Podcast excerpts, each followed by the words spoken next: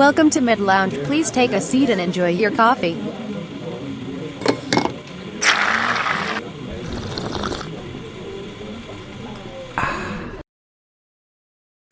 Kalau kita bicara hot uh, lymphoma, memang betul tadi dikatakan ada yang hot skin dan non hot skin. Tapi pada kesempatan ini kita akan membahas khusus terkait non hot skin lymphoma. Keganasan pada sel B atau limfosit B itu bisa terjadi di berbagai tingkatan maturasi atau pematangan. Seperti kita ketahui selain sel B, limfosit itu dapat juga berbentuk sel T yang semuanya berasal dari stem cell. Jadi stem cell kita itu bisa merupakan progenitor stem cell atau istilahnya sel induk yang kemudian bisa berdiferensiasi saat perkembangannya menjadi myeloid stem cell atau lymphoid stem cell ya. Yang lymphoid ini nanti kemudian akan berkembang menjadi eh, sel-sel uh, yang berdiferensiasi menjadi sel B dan sel T.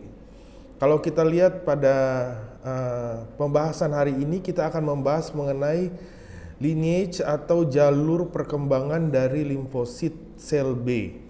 Di mana pada awalnya itu di sini yaitu kita sebut pre-B cell. Kemudian akan mengalami maturasi menjadi lebih kecil, menjadi imatur dan kemudian akan menjadi matang di kemudian.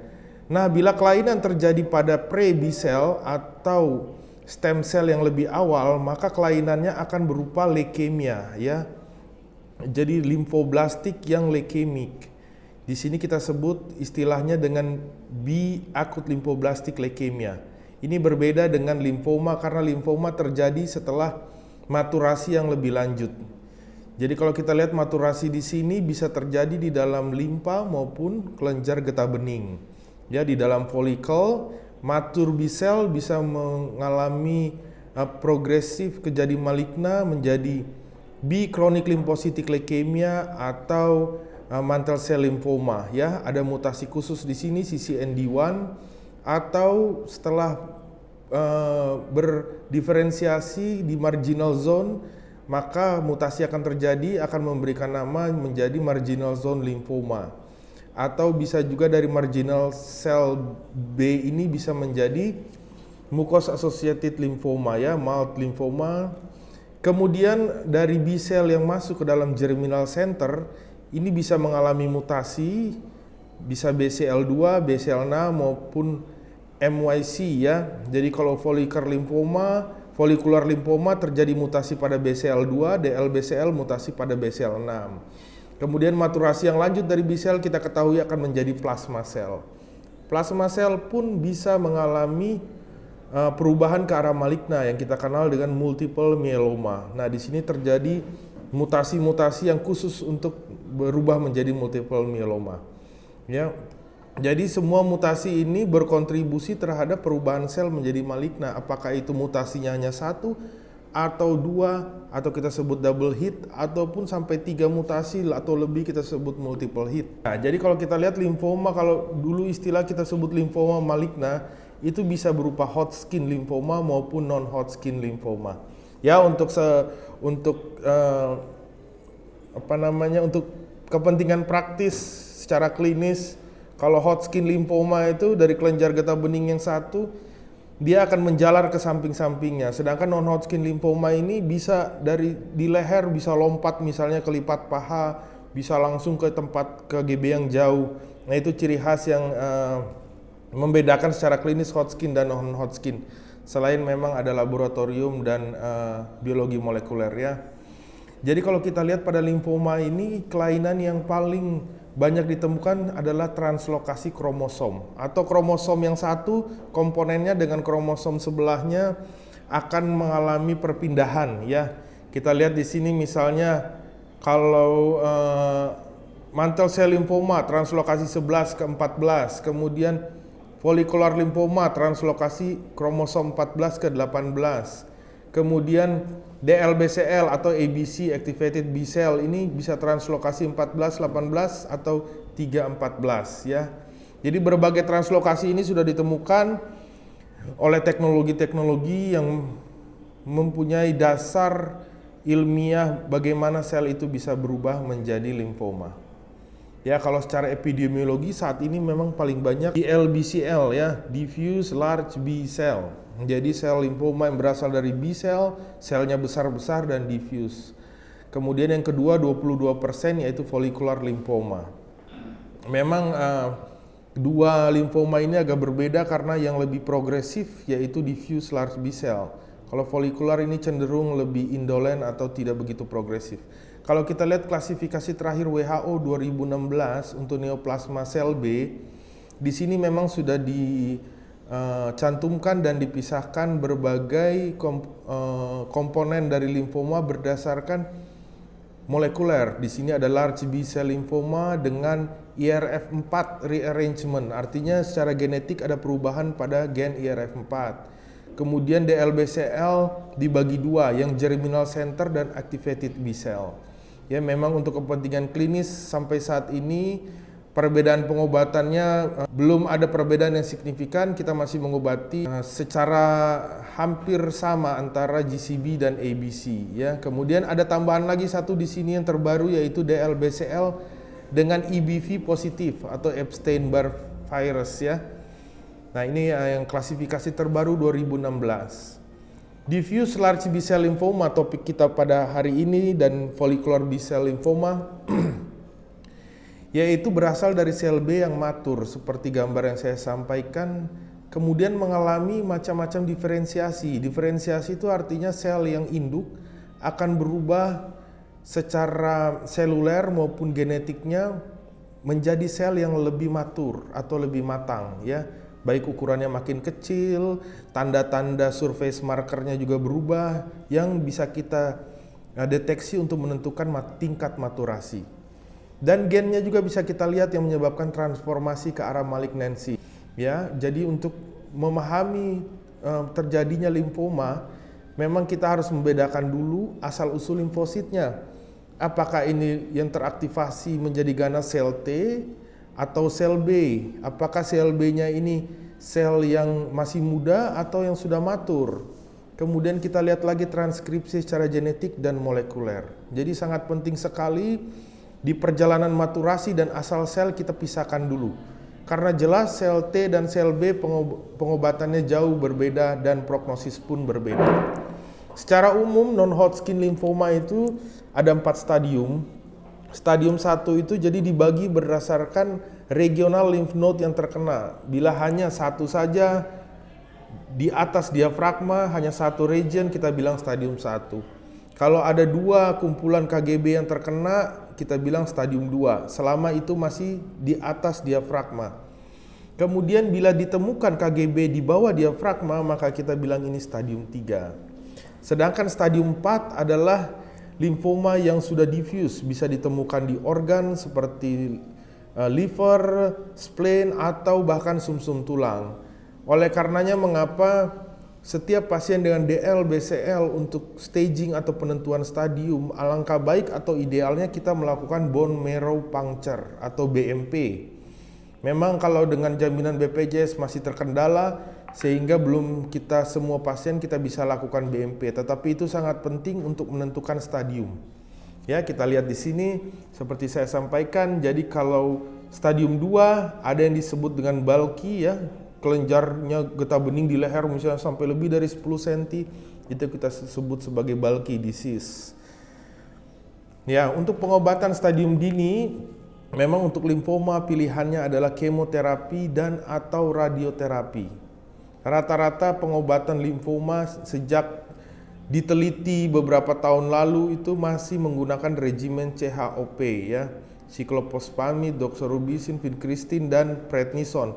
Saat ini dengan uh, era targeted terapi kita sudah dapat memberikan uh, monoklonal antibody yaitu rituximab R sehingga regimennya menjadi RCHOP Ya, jadi imunokemoterapi yaitu kombinasi antara anti CD20 rituximab. Jadi ini merupakan terapi standar untuk non-Hodgkin lymphoma. Ya, memang pilihan kemoterapi dikatakan tergantung subtipe DLBCL tapi secara umum masih sama. Ya, jadi kita berikan 6 siklus RCHOP dan kemudian dikatakan bila ini non germinal atau yang germinal center kita bisa gunakan ibrutinib, lenalidomid, bortezomib. Tetapi sampai saat ini untuk lini pertama masih RCHOP. Dikatakan juga bahwa kalau misalnya kita pasien bisa dicek sampai ke molekuler, bisa kita temukan adanya double hit kelainan pada genetik, tidak hanya satu saja kelainan pada gennya, maka kita memberikan obat-obat pilihan yang sudah diteliti. Misalnya ada EPOH ya pada sebagian penderita atau yang double expressor AirChop masih pilihan juga. Tetapi penelitian-penelitian sampai saat ini belum establish signifikan perbedaannya. ya, makan retrospektif pun masih kontroversi. Jadi ada yang bilang bahwa eh, terapi utama adalah pembedahan dan ada yang mengatakan untuk saluran cerna tidak efektif ya. Tetapi ya secara umum bahwa bila ditemukan limfoma pada saluran cerna dan timbul tanda-tanda obstruktif, maka tindakan pertama yang kita lakukan adalah tindakan operatif dulu kemudian setelah lukanya perbaikan, kemudian kita akan lanjutkan dengan kemoterapi.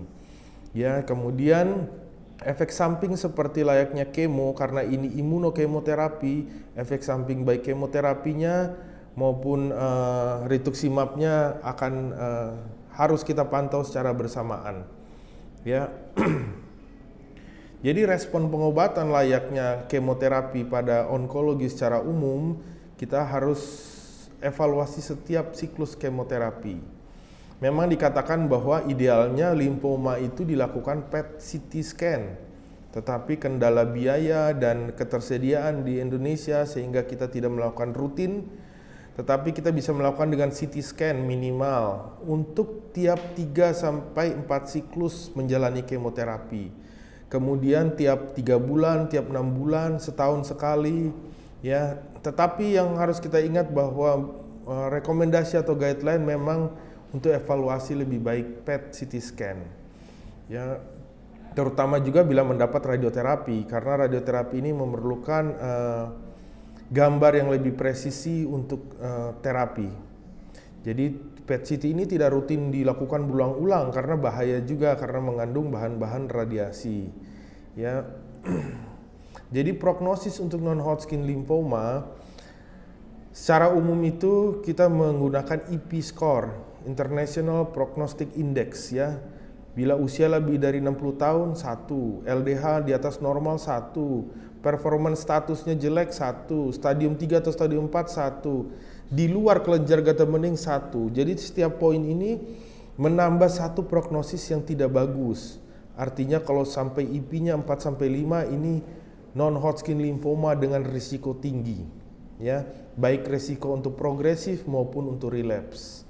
Nah, kalau kita lihat prognosisnya di sini, yang garis sumbu Y atau yang vertikal merupakan jumlah pasien dan yang sumbu X ini merupakan survival dalam bulan kita lihat bahwa progression free survival atau tingkat progresif atau tingkat survival memang lebih baik pada yang prognostik skornya rendah, yang warna biru.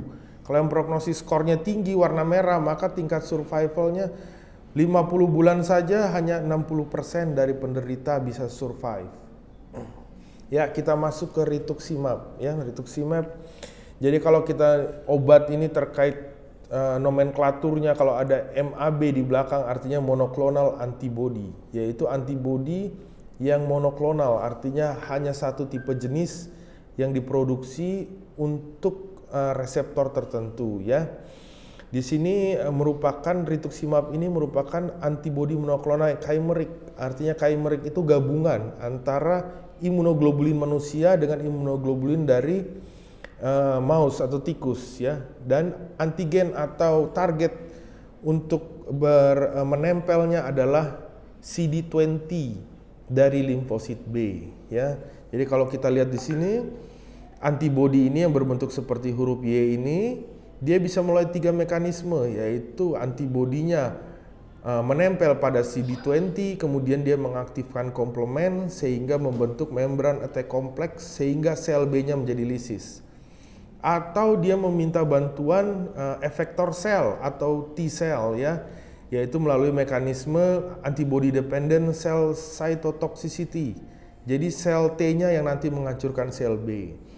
Atau melalui mekanisme direct effect, yaitu monoklonal antibody. Setelah menempel CD20, dia langsung mengirim sinyal untuk terjadinya apoptosis atau program sel death, sehingga sel B itu akan um, istilahnya bunuh diri gitu mati ya apoptosis. Jadi dia langsung hancur. Ya kalau kita lihat antibody ini strukturnya seperti ini Y Y ini yang heavy chain ini yang ada light chain nah ini bisa dibuat di pabrik ya di dibuat di industri farmasi dibuat dengan uh, teknologi canggih sehingga terbentuk anti CD20 sangat khusus untuk CD20 saja. Jadi ini studi-studi terkait penggunaan rituximab jadi setelah era rituximab, non-Hodgkin lymphoma mengalami perubahan yang drastis. Karena ternyata bahwa penambahan R pada regimen CHOP akan memberikan respon yang lebih baik tanpa dibandingkan dengan tanpa CHOP. Kita lihat responnya ini ya, eh, perbandingannya cukup signifikan, persentasenya dan keluarannya juga atau event free survivalnya lebih baik. Nah ini saya ambil dari NCCN Guideline yang 2020. Diffuse large B-cell lymphoma baik stadium 1, stadium 2, stadium 3 dan stadium 4 semuanya dicantumkan item penggunaan pilihan kategori 1 atau pilihan pertama adalah RCHOP. Jadi rituximab, cyclophosphamide, ya, vincristine, prednison. Nah, ini semuanya digunakan baik stadium 1, 2, 3 dan 4. Apakah nanti ditambahkan uh, radioterapi atau uh, radiasi itu nanti tergantung dengan uh, kondisi klinis dan uh, saat penentuan staging misalnya ditemukan ekstranodal atau di luar kelenjar getah bening mungkin kita pertimbangkan untuk radiasi atau yang bulky ya di regimen juga nih di guideline 2020 first line RCHOP ya RCHOP ya jadi AirChop masih merupakan pilihan sampai saat ini dan ditanggung oleh asuransi ya, baik BPJS maupun yang swasta. Jadi kesimpulan sejak 20 tahun terakhir AirChop secara dramatis memperbaiki prognosa penderita DL-BCL. Walaupun demikian, remisi yang kita capai, jadi dalam pengobatan ini target kita adalah complete remission, yaitu sel-sel tumor tidak terdeteksi dengan imaging setelah pengobatan ya dikatakan bahwa subtype yang lebih progresif atau lebih malignan dari DLBCL yaitu yang non non germinal type ya yang uh, kemudian kita harus melihat secara molekuler untuk menentukan perbedaan subtype yang mana apakah yang germinal dan non germinal tetapi sampai saat ini RCHOP masih bisa digunakan untuk secara umum diffuse large B-cell lymphoma Baik, uh, limfoma yang kedua yang kita akan bahas yang ini yaitu follicular lymphoma. Ya, kita lihat di sini setelah DLBCL 31%, frekuensi yang kedua yang tinggi adalah follicular lymphoma atau 22%. Ya, ini kembali mengulang yang gambar yang saya tadi. Ya, jadi follicular lymphoma ini berasal dari germinal center B cell. Jadi asalnya sama dengan diffuse large B cell lymphoma, tetapi titik mutasinya berbeda yaitu folikular pada BCL2 dan DLBCL pada BCL6. Ya. Jadi hal-hal yang diperdebatkan sampai saat ini kapan memulai pengobatan, bagaimana cara efektif memilih pengobatan, menentukan risiko dan manfaat, apa indikator keberhasilan pengobatan. Ya, cara menentukan mulai terapi ada beberapa kriteria yaitu kriteria Gulf dan BNLI ini ya kita bisa hitung berdasarkan kelenjar getah bening, limpa, sel-sel darah, deep count, kemudian lesi-lesi seperti penentuan stadium bahkan kita perlu untuk melakukan BMP bila ingin lengkap. Ya, stadium 1 dan stadium 2 eh, pilihan terapinya adalah radiasi merupakan pilihan terbaik ya. Kemudian sebagian besar pasien juga bisa uh, watchful waiting. Tetapi dengan skor yang tinggi prognosis, kita bisa memulai terapi induksi, kemoterapi, konsolidasi dan pemeliharaan.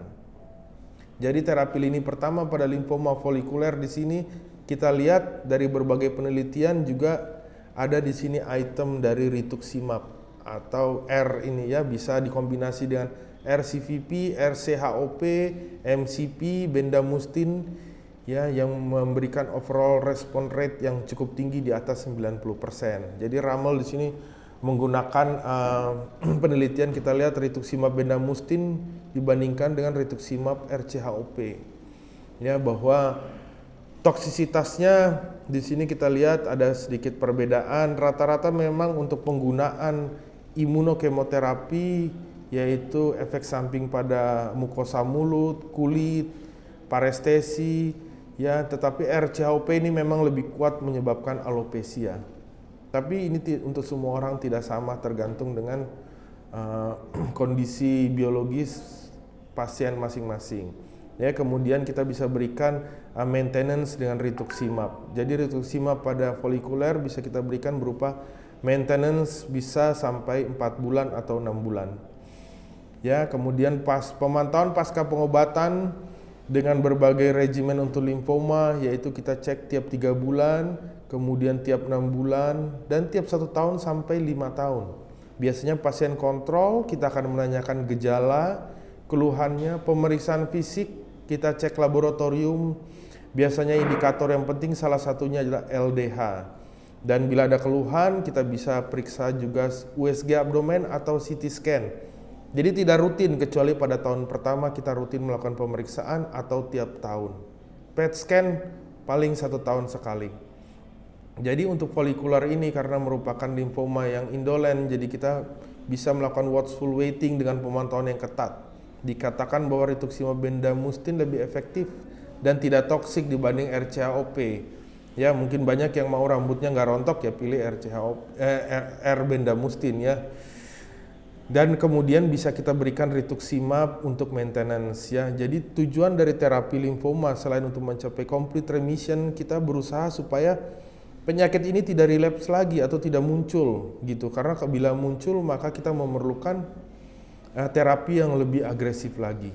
Ya saat kambuh. Ya folikuler di sini kita lihat saat kambuh bisa kita berikan bendamustine rituximab atau fludarabin rituximab. Jadi komponen R ini sangat penting dan kita lihat bahwa survivalnya lebih baik yang bendamustine dan rituximab ya. Kemudian overall survival juga. Nah, kalau NCCN 2020 kita lihat di sini follicular lymphoma grade 1 2 stadium 1 2 di sini masih ada pilihan anti CD20 monoclonal antibody plus kemoterapi. Jadi bisa kita berikan R di sini rituximab untuk follicular. Ya. Jadi uh, dan second line di sini bisa kita tambahkan bendamustine atau lenalidomide ya dan ini banyak pilihan-pilihan memang disesuaikan dengan penelitian-penelitian terbaru dalam hal uh, untuk mencapai remisi atau progression free survival yang lebih baik. Ini sedikit saya tampilkan mengenai Capman uh, nomor 17 Menkes 2019 tentang Fornas. Di sini dikatakan bahwa rituximab indikasinya hanya dua, diffuse large B-cell lymphoma DLBCL dengan hasil pemeriksaan CD20 positif CD45 positif dan CD3 positif. Tapi kalau saya tidak salah ini sudah dikoreksi ya. Jadi CD3 negatif. Karena seperti kita ketahui CD20 ini merupakan B cell marker. Jadi hampir semua B cell dari yang muda sampai yang matur akan memiliki CD20 positif. Kecuali sudah berubah menjadi plasma cell tidak akan kita temukan. Kemudian CD45 ini uh, common leukocyte antigen. Jadi semua sel darah putih akan memiliki CD45 yang positif pada umumnya.